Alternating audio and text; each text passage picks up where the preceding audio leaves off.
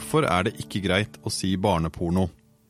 Hvordan jobber de som etterforsker seksuelle overgrep mot barn på internett? Og hør om saken politioverbetjent Bjørn Erik Ludvigsen aldri glemmer. Det er lenge siden jeg har tenkt på det, men eh, når jeg, ser det, jeg kjenner liksom at jeg får en sånn grøsning når jeg ser for meg det bildet, for det var altså så sterkt når du kunne sette ring rundt. Jeg tror det var sju eller ni jenter i den samme klassen som var misbrukt av den samme gjerningsmannen.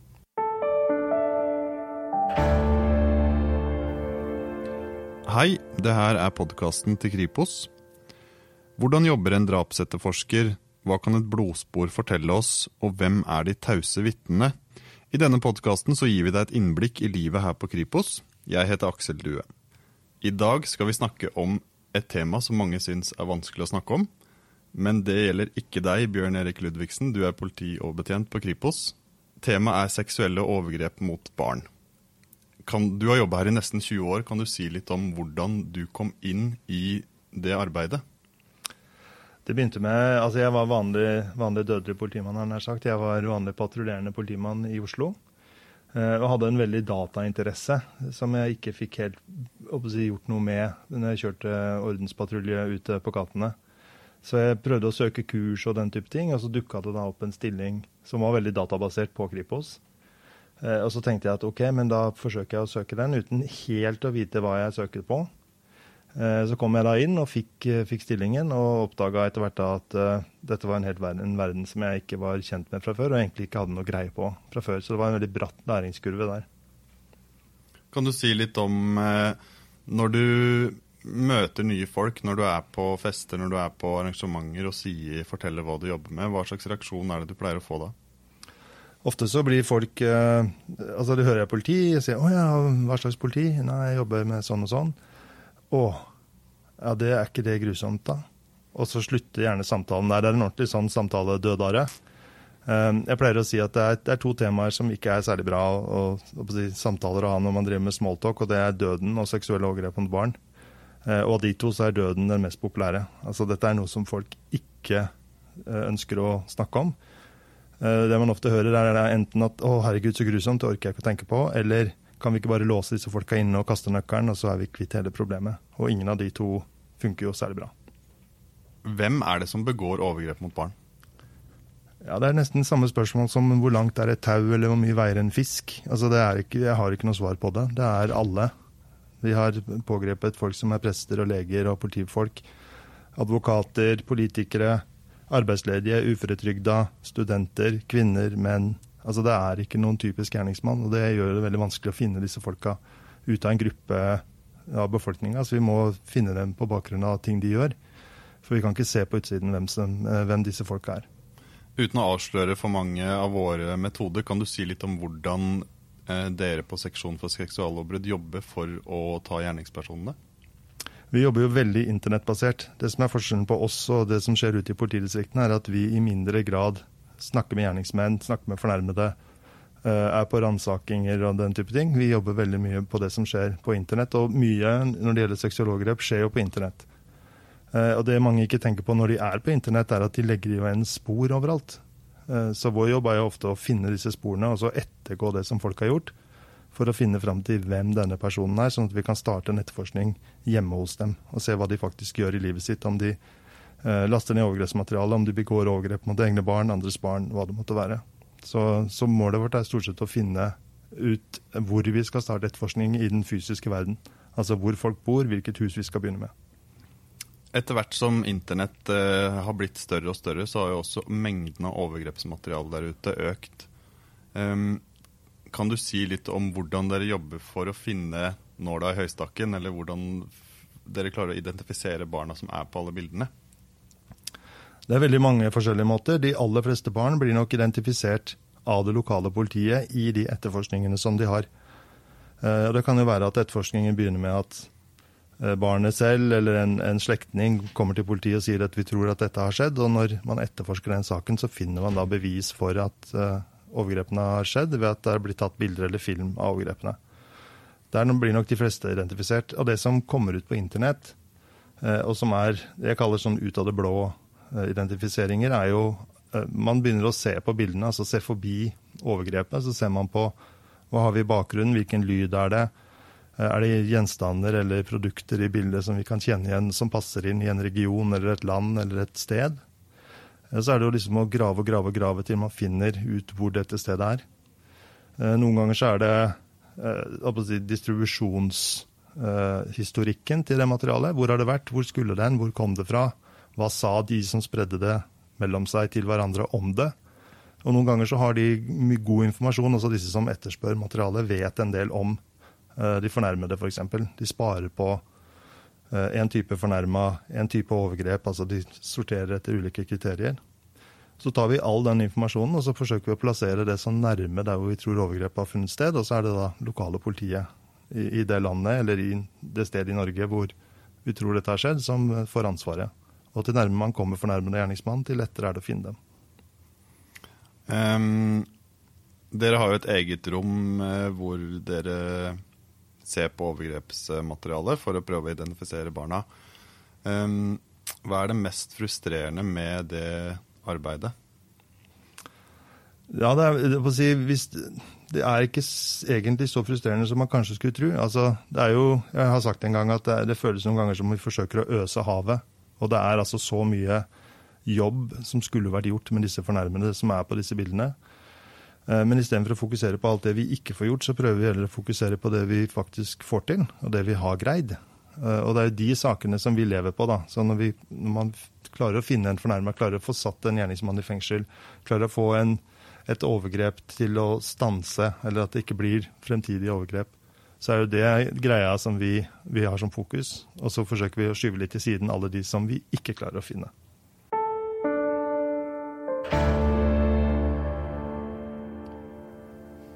I denne podkasten så har vi tenkt å ha en spalte som heter 'Saken du aldri glemmer'.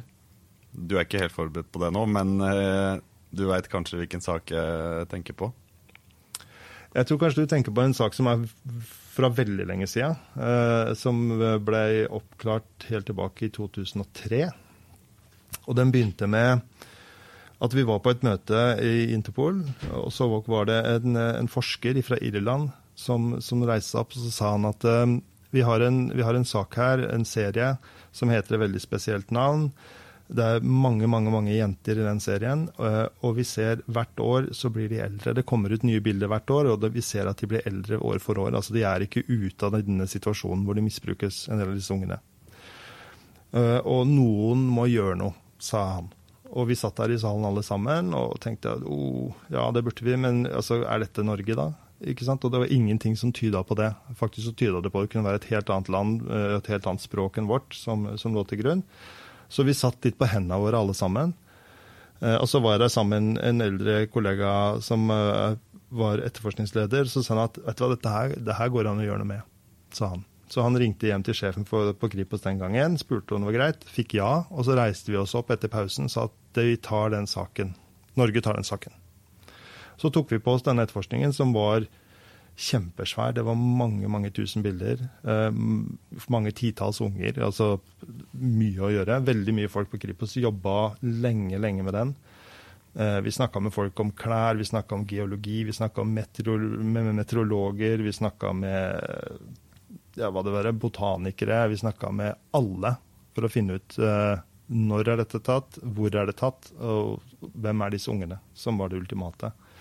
Det er liksom og, lete etter spor i lete etter? Spor, altså, som jeg sier, Plutselig så visste vi veldig eh, mye om en stein som var på en av bildene. Vi, når vi snakka med en geolog, skulle han fortelle at den var frakta med isen på tvers av Europa, fra, fra, fra Tsjekkia og opp til nord. Og, så vi, vi, vi, lærte veldig mye. Uh, vi hadde noen bilder som det var dato på. ikke sant? Og hvis det var sol, kunne vi se hvor i, hvor i Europa eller hvor i verden var det sol den dagen. Sånn, og, og det var jo å legge alle disse tingene sammen uh, og se hva er det som peker seg ut som har alle elementene. Uh, og det var en kjempesvær jobb og, og, holdt på lang, lang tid. Og vi pusha jo dette her til alle kolleger vi traff, alle møter vi var på. Så reiste vi oss opp og sa hør her, vi er interessert i informasjonen denne serien, vi prøver å finne disse ungene. Uh, og til slutt så var det et tips fra sveitsisk politi som huska fra en sak et år tilbake hvor en person hadde hatt en samtale med en kanadisk uh, gjerningsmann. Hvor denne canadieren hadde sagt at han hadde en kjæreste fra denne serien. Og når man begynte å, fikk kanadisk politi til å nøste i den saken, så fant man til slutt, uten at jeg skal avsløre hvordan vi gjorde det, men hadde masse omveier, en adresse i, i Huddinge i Sverige hvor eh, gjerningsmannen hadde misbrukt dattera si og nesten alle venninnene hun hadde i, i, i, klassen og rundt. Vi har et klassebilde fra den tida hvor det er ni fornærmede på samme klassebilde.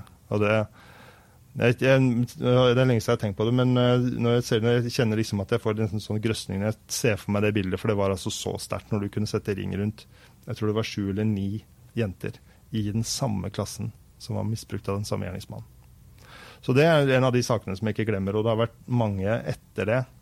Eh, og det er ikke det at vi, at vi bevisst går inn for å glemme dem, vi arkiverer dem liksom og tenker at ja vel, der gjorde vi oss disse erfaringene, her gjorde vi de feilene, da prøver vi å unngå dem. Dette funka bra, det må vi bruke igjen. Og så, og så, går vi videre.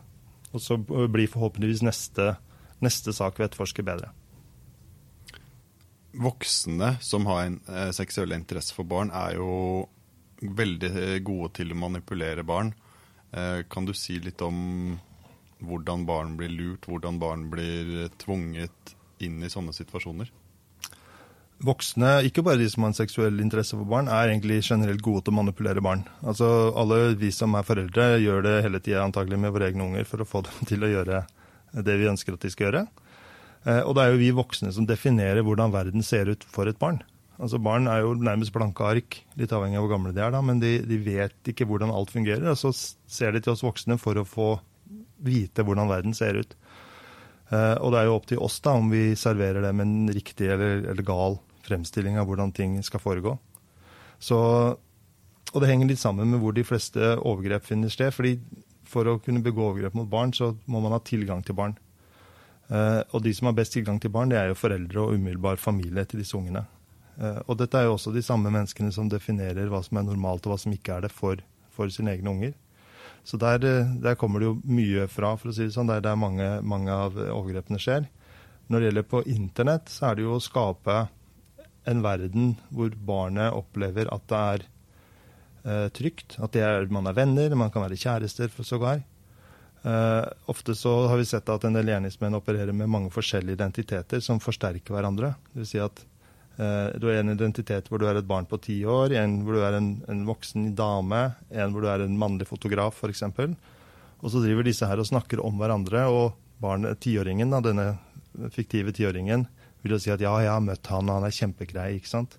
Hun kvinnen, eh, kvinnelige uh, identiteten vil si at ja, jeg har kjent han i mange mange år, og han har alltid vært en stødig fyr. Og for barnet da så, så oppleves dette som tre helt forskjellige mennesker. Og når flere sier at en er OK, så er han antagelig OK. Og sånt kunne jo vi gått på, kanskje vi voksne også. Eh, det at eh, voksne nå har eh, på en måte lettere tilgang til å manipulere barn og få barn til å begå overgrep, begå handling mot seg sjøl, som jo kvalifiserer til voldtekt og overgrep, hvordan har det endra måten dere jobber på med det her feltet? Altså, hele verden har endra seg for alle. Tenk deg sjøl altså, når, når, jeg var barn, i hvert fall, så var foreldrene mine på påpasselig og sa at pass deg for fremmede og pass deg for skumle menn og den type ting. Og det tror jeg kanskje mange av oss har vokst opp med. Men vi har ikke i samme grad klart å få formidla det bildet til internett. Dette, eh, for det første fordi at kanskje ikke de skumle mennene ser skumle ut. De ser ut som kanskje et barn på din egen alder. Så det er veldig vanskelig for ungene å identifisere hvem som er skumle, hvem som er farlige. Eh, men eh, det kanskje største forskjellen som har skjedd de siste årene, er jo at tilgjengeligheten til barn er blitt så enorm. Altså Unge får smarttelefoner ned i lavere og lavere alder for hvert år som går. Eh, og når du, man har en smarttelefon, så ligger for så vidt hele verden åpen for deg. Eh, med internettilkobling så, så, har du i teorien tilgang til 3,5 milliard andre mennesker. Eh, men de har også tilsvarende tilgang til deg. Eh, og voksne som har en seksuell interesse for barn, vil alltid oppsøke de stedene hvor barn er. Selv om det er tjenester som er laget for barn, og man, man tenker at ungen min er trygg, for han er, spiller bare spill osv., så, videre, så ser vi at de voksne også går dit. Sånn at det vil jo denne ekstreme tilgjengeligheten og muligheten til å kontakte barn uh, er blitt, uh, blitt, mye, mye, mye større. For i gamle dager, da, altså pre-internett, dvs. Si før kanskje 1995, Hvis jeg som voksen mann sto og spurte alle småjenter som gikk forbi inni på butikken om å få se på tissen deres, så hadde det skjedd noe. Altså Samfunnet rundt hadde reagert, voksne hadde reagert fordi at de hadde hørt det. De hadde sett meg stå der, eh, og så hadde lensmannen kommet, eller så hadde jeg kanskje fått meg en på trynet sågar. Eh, men samfunnet hadde reagert, man hadde observert det. Når, vi, når det samme skjer på internett, når, du, når, en voksen mann spør 1000 småjenter om å få se på tissen deres, så er det ingen som sier noe, det er ingen som eh, hører det, det er ingen voksne som reagerer. Og da får de lov å fortsette mye mer i fred. Og Det er det konkrete eksempler på fra saker som vi har vært med å starte, som vi har bistått politidistriktene i? Ja, det er mange, mange saker i Norge etter hvert nå med flere hundre fornærmede hver.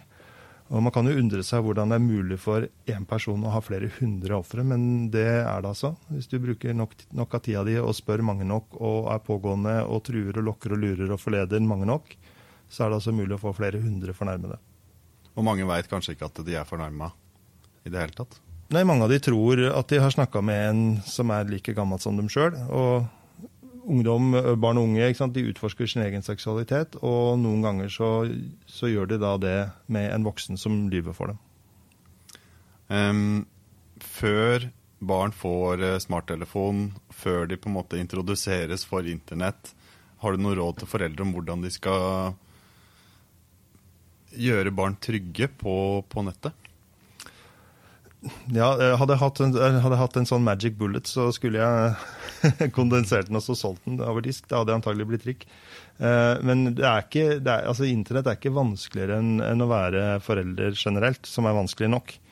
Eh, man må snakke med ungene sine om integritet, om grenser, om hva som er OK, gode og dårlige hemmeligheter. Eh, retten til å si nei, retten til å bestemme over seg sjøl. At ikke alle venner nødvendigvis er venner. Eh, man må vite litt om folk før man gir fra seg for mye. Eh, mange av de samme tingene som vi lærer ungene våre i forhold til å gå ute på gata eller sant, eh, behandle andre mennesker i skolesituasjoner eller hva det måtte være. Vanlige, fornuftige, vettuge regler.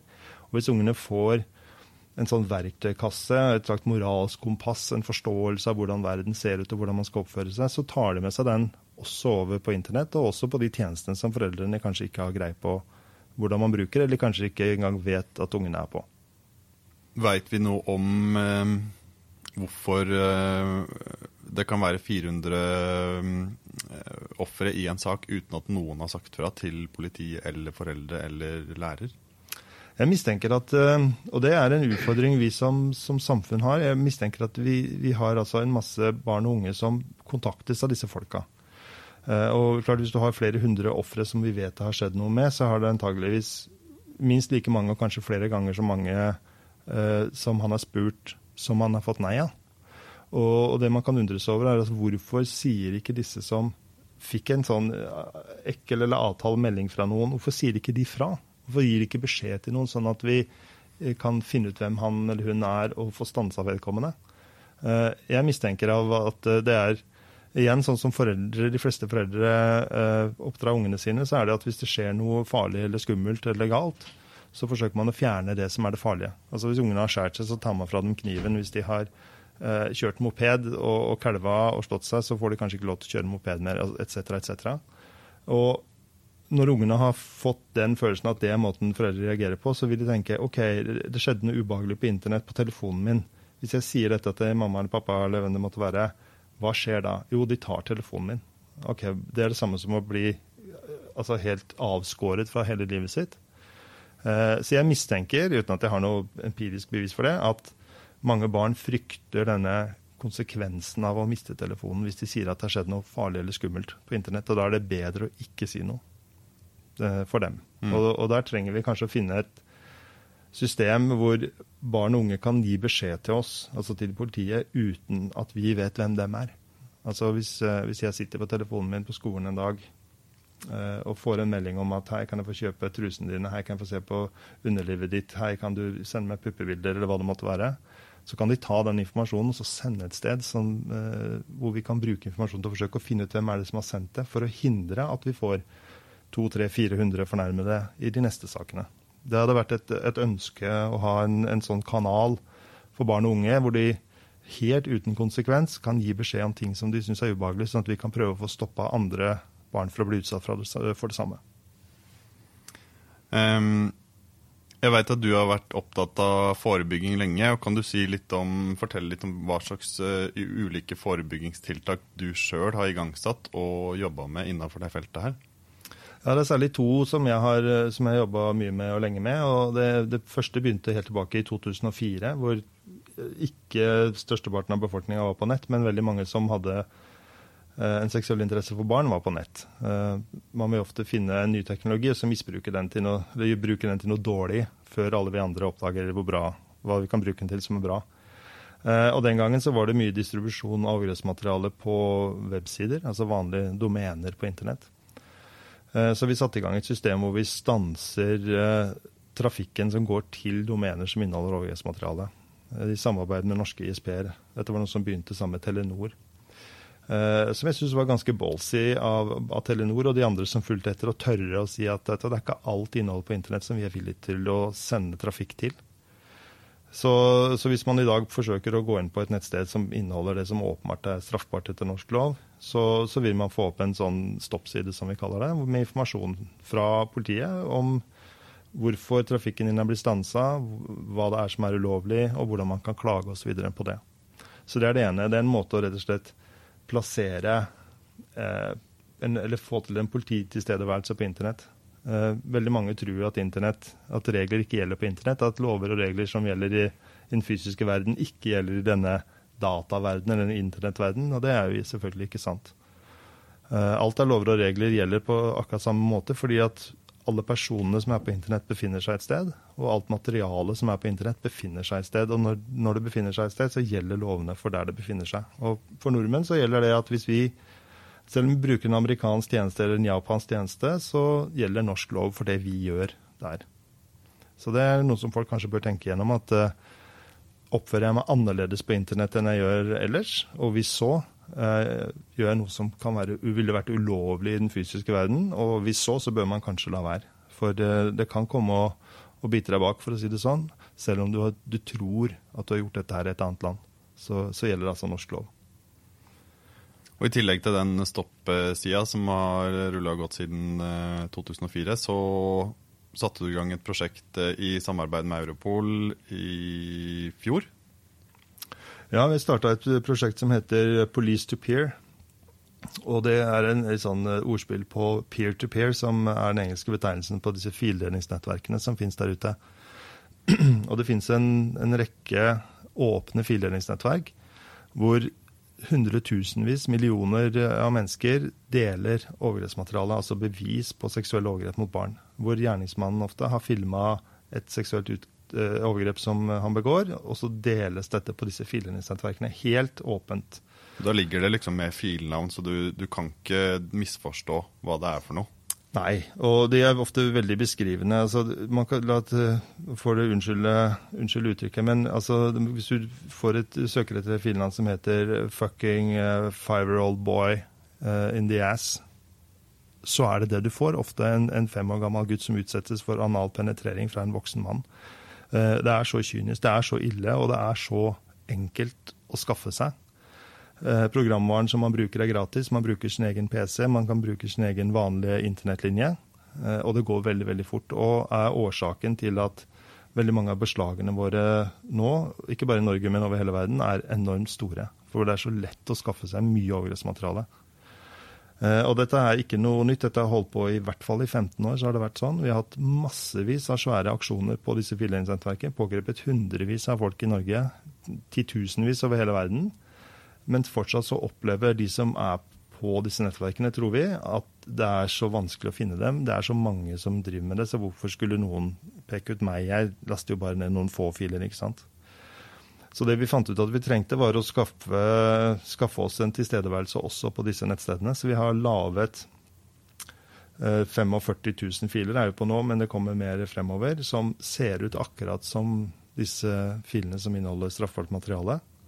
Eh, men som deles fra politidatamaskiner, og så inneholder film og bilder av politifolk fra hele Europa som forteller folk om farene ved å bruke et fildelingnettverk som dette her, og mulighetene vi har til å finne dem. Eh, I tillegg så får de informasjon om eh, hvor de kan gå hvis de har en seksuell interesse for barn og ønsker å gjøre noe med det, ønsker å snakke med noen om det. Og Håpet vårt med det er jo flere. Det ene er å få folk til å slutte å dele så mye filer, sånn at tilgjengeligheten går ned. Vi reduserer den opplevde kvaliteten i gåseøynene på, på systemet. Man får sjeldnere det man ber om. Eh, vi prøver å få til en følt oppdagelsesrisiko. altså Man risikerer å bli tatt. Kanskje jeg skal la være. Jeg ønsker ikke de konsekvensene som det er hvis jeg blir tatt.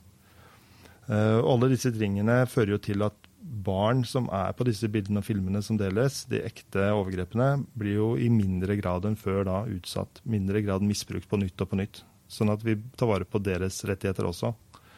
Og I tillegg til det så vil det jo være det at vi håper at noen går inn på disse hjelpetiltakene som vi lenker til, eh, og snakke med noen, sånn at de kanskje ikke begynner å begå overgrep.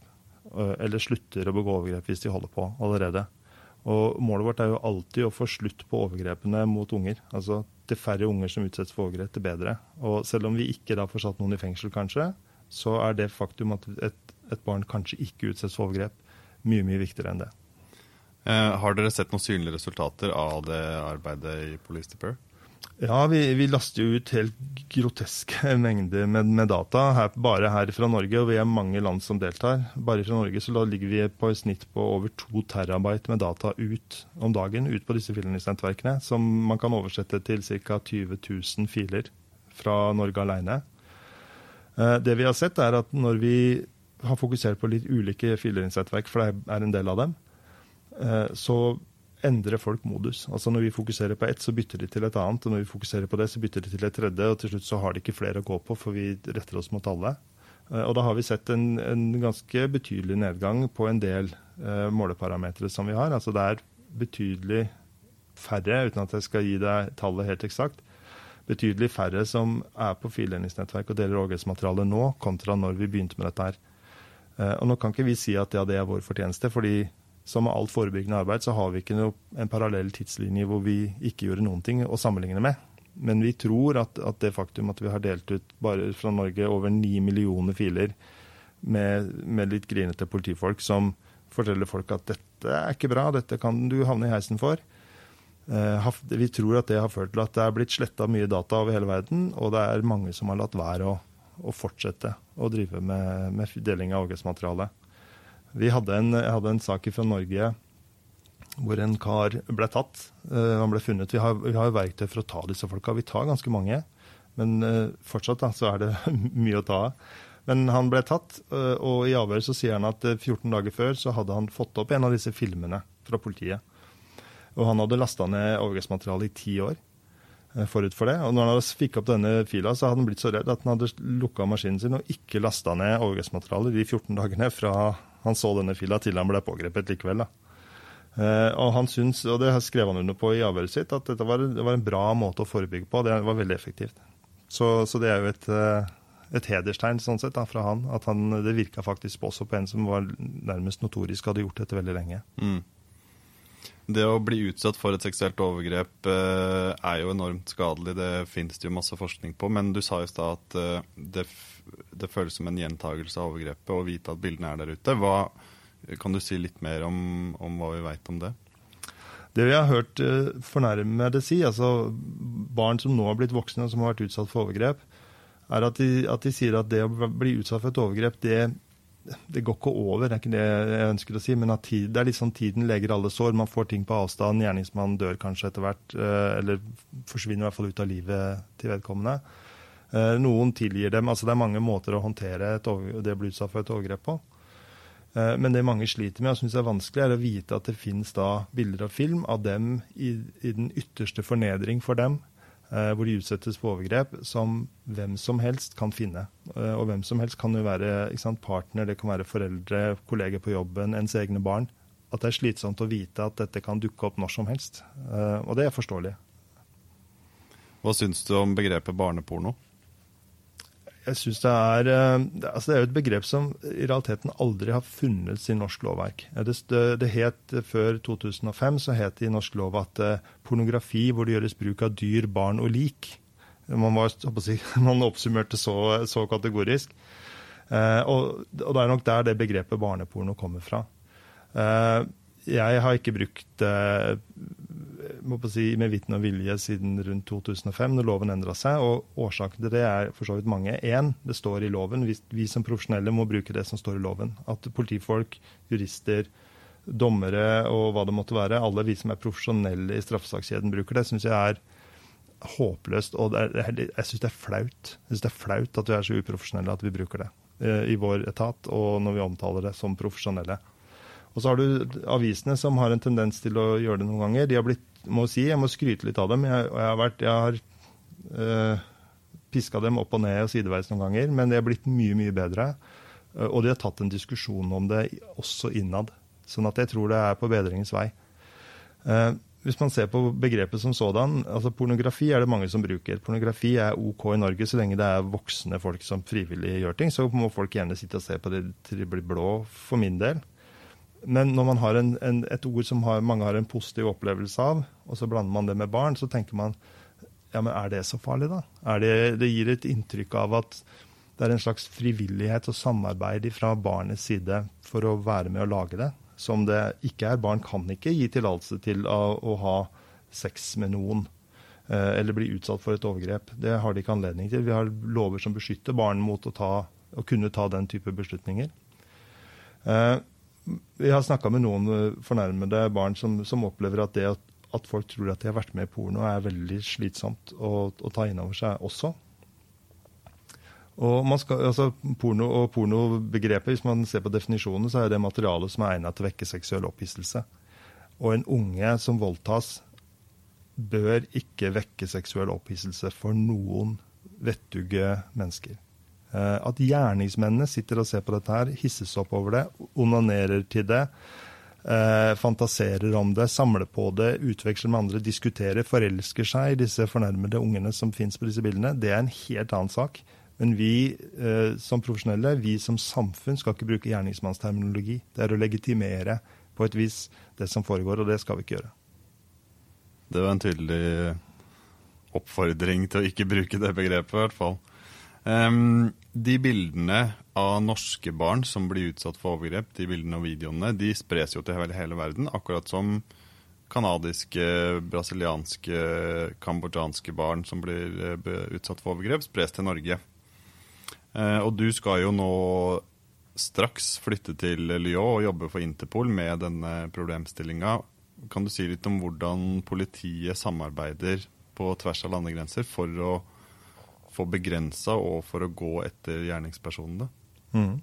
Det er jo et veldig bra samarbeid eh, på tvers av landegrenser og på tvers av kontinenter når det gjelder seksuologer mot barn. Eh, og det er kanskje mange grunner til det. En er at vi har holdt på med dette veldig lenge. fordi at Internett, som er en drivende faktor på mange måter, ble veldig tidlig tatt i bruk av de som distribuerer overgrepsmateriale eller diskuterer seg mellom eller groomer barn.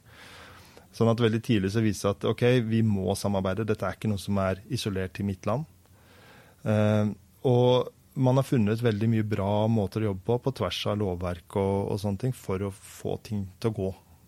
Uh, det vi, noe av det som vi snakka om i stad, at det finnes jo utrolig mange barn uh, og unge der ute som finnes på dette materialet som vi ikke veit hvem er. Og det å identifisere noen bare ut ifra et bilde eller en film er ekstremt arbeidskrevende. Alt må sjekkes ut, alt må dobbeltkontrolleres, alt må undersøkes. Eh, sånn at det, man har fått laget fra 2009 av, så var den oppe og gikk, en, en, database som ligger hos Interpol, hvor alle de identifiserte personene som man vet om i et land, blir lagt inn. Og Det er jo for å hindre at andre land bruker ressursene sine på å etterforske og prøve å finne ut hvem et barn er, når vedkommende allerede er identifisert i et annet land. Vi, vi, og Det er et, et, eksempel på hvordan vi prøver å få altså Vi drar, putter alle kreftene våre sammen, og så prøver vi å ikke bedrive dobbeltarbeid. Uh, og at hver time som er jobba ett sted, skal spare en time alle andre steder. Så, så det er en måte å, å, å begrense uh, dobbeltarbeidet, samtidig som vi uh, leverer bedre kvalitet og, og raskere.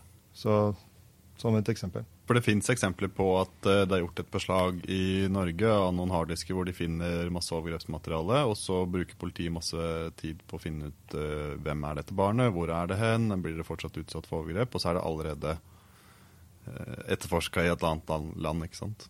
Ja, og vi har, vi, har så, vi har, eksempler på at det har skjedd her også. Altså, vi hadde en sak for noen år siden hvor Canadisk politi hadde jobba seks måneder med en sak eh, fordi at filnavnet på et, en overgrepsserie mot ei jente i sånn 12-13-årsalderen eh, tyda på at det var canadisk. Så de jobba med det, og de hadde snakka med irsk politi, for det var en gjenstand i et bilde der som kunne peke til Irland, så de hadde jobba med det. Eh, og så på et tidspunkt så, så, dukker det opp i et svensk beslag eh, flere bilder den serien som etter hvert peker helt åpenbart på Norge. Eh, og når vi får saken hit, så sier vi dette kjenner vi ikke til, vi vet ingenting. Sendte ut i alle politidistriktene. Uh, og så viser det seg, vi får en tilbakemelding fra et politidistrikt, at den saken er jo hun er identifisert for åtte-ti år siden. Og gjerningsmannen har vært i fengsel og er ute igjen.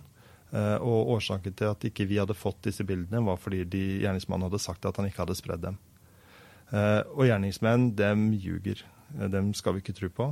Og denne saken er et bevis på det. Hadde vi fått inn de bildene til oss som vi hadde ønska når, når, denne saken var oppe og avgjort, så hadde jo canadisk politi spart seks måneder, og irsk politi hadde spart noen uker med arbeid, de også. I tillegg til det vi brukte her.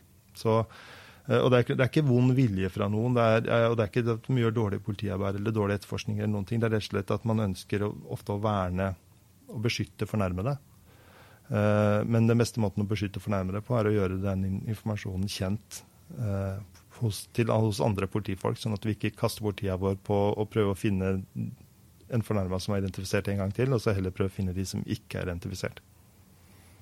Eh, du var jo inne på det helt i starten, at eh, når du prater med folk som ikke jobber i politiet om det du jobber med, seksuelle overgrep mot barn, så sier folk 'Å, herregud, så forferdelig det må være å jobbe med'.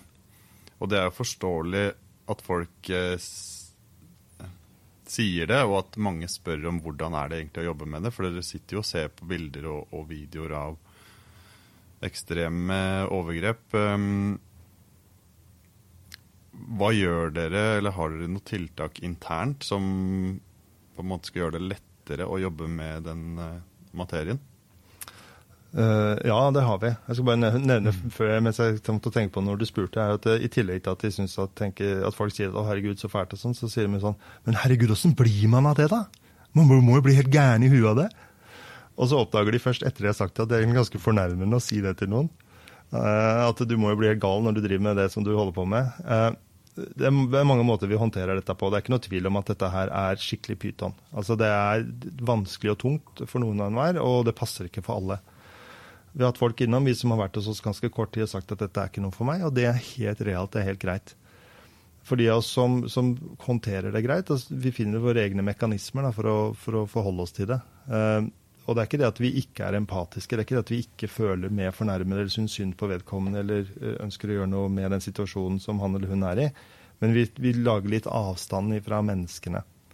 Vi konstaterer at det er et overgrep vi, vi, ser på, så det passer inn med lovverket. Ferdig med det. Ok, men da ser vi på de andre tingene. Distribusjonen eller innholdet i, i materialet. Eh, er det noen som kjenner til det? Kjenner vi dette fra andre saker før? Osv. osv. Sånn at vi får en profesjonell avstand til, til selve materialet.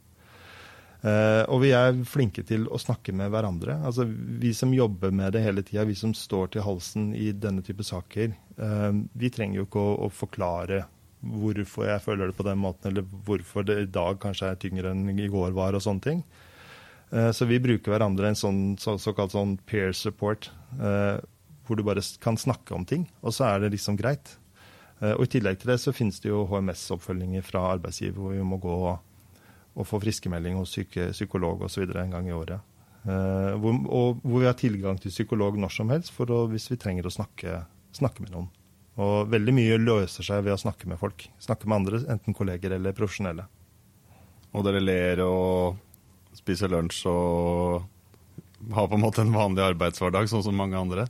Ja, jeg tror hvis folk hadde møtt oss Eh, uten å vite hva vi drev med, så de trodde at vi var helt vanlige folk. Altså, vi er ikke, vi er ikke Det syns ikke utapå oss hva vi driver med, og vi er ikke blitt så prega at, at, vi går rundt og, og henger med huet med tungsinn hele dagen. Det kan vi ikke.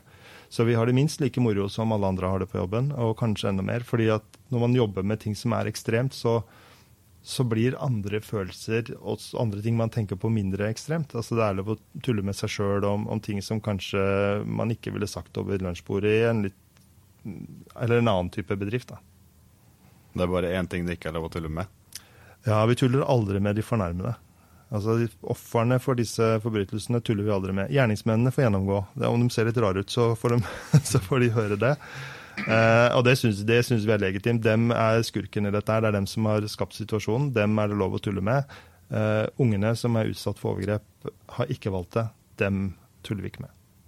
Tusen takk for at du kom, og lykke til med viktig arbeid i Interpol i Lyon. Tusen takk skal du ha.